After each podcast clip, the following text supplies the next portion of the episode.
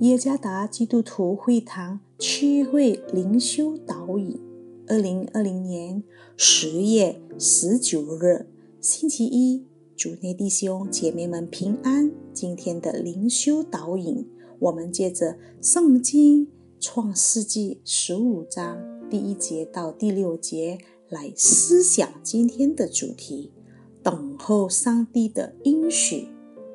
作者舒心自传道。创世纪十五章第一节到第六节，自是以后，耶和华在异乡中有话对亚伯兰说：“亚伯兰，你不要惧怕，我是你的盾牌，必大大的赏赐你。”亚伯兰说：“主耶和华，我既无子，你还赐我什么呢？并且要承受我家业的是。”大马士人以利一谢。亚伯兰又说：“你没有给我儿子，那生在我家中的人就是我的后世。”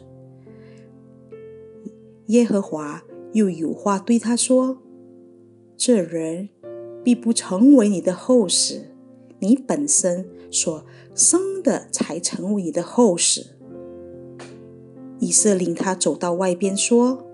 你向天观看，数算众星，能数得过来吗？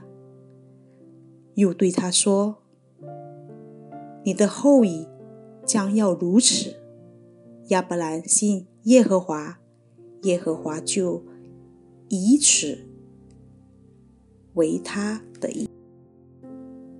我们经常抱怨上帝，我们还要再等多久？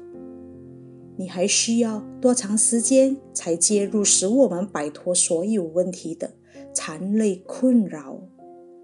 你还需要多长时间才将我们从这场可怕的大流行瘟疫中释放出来？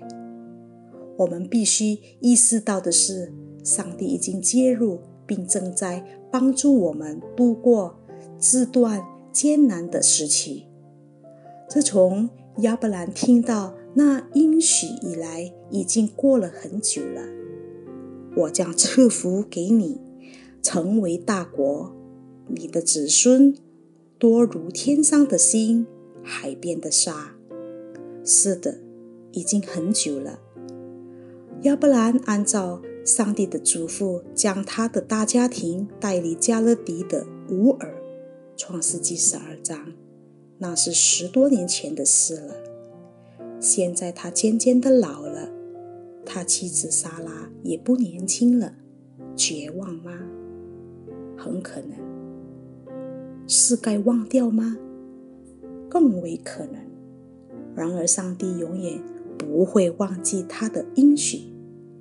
上帝在创世纪十五章第五节中再次坚定了这个应许。甚至在创世纪十七章，当亚伯兰快要一百岁的时候，再次鉴定。总共等待了二十五年，但亚伯兰信耶和华，耶和华就以此为他的意。第六节，等待上帝的应许实现真不容易，是吗？我们经常。变得不耐烦，我们希望它尽快实现，问题尽快被解决，大流行瘟疫尽快过去，经济迅速恢复，可以立刻去度假，再次去旅行。但是，请记住，如果我们使上帝参与其中，等待期将会是非常有意义。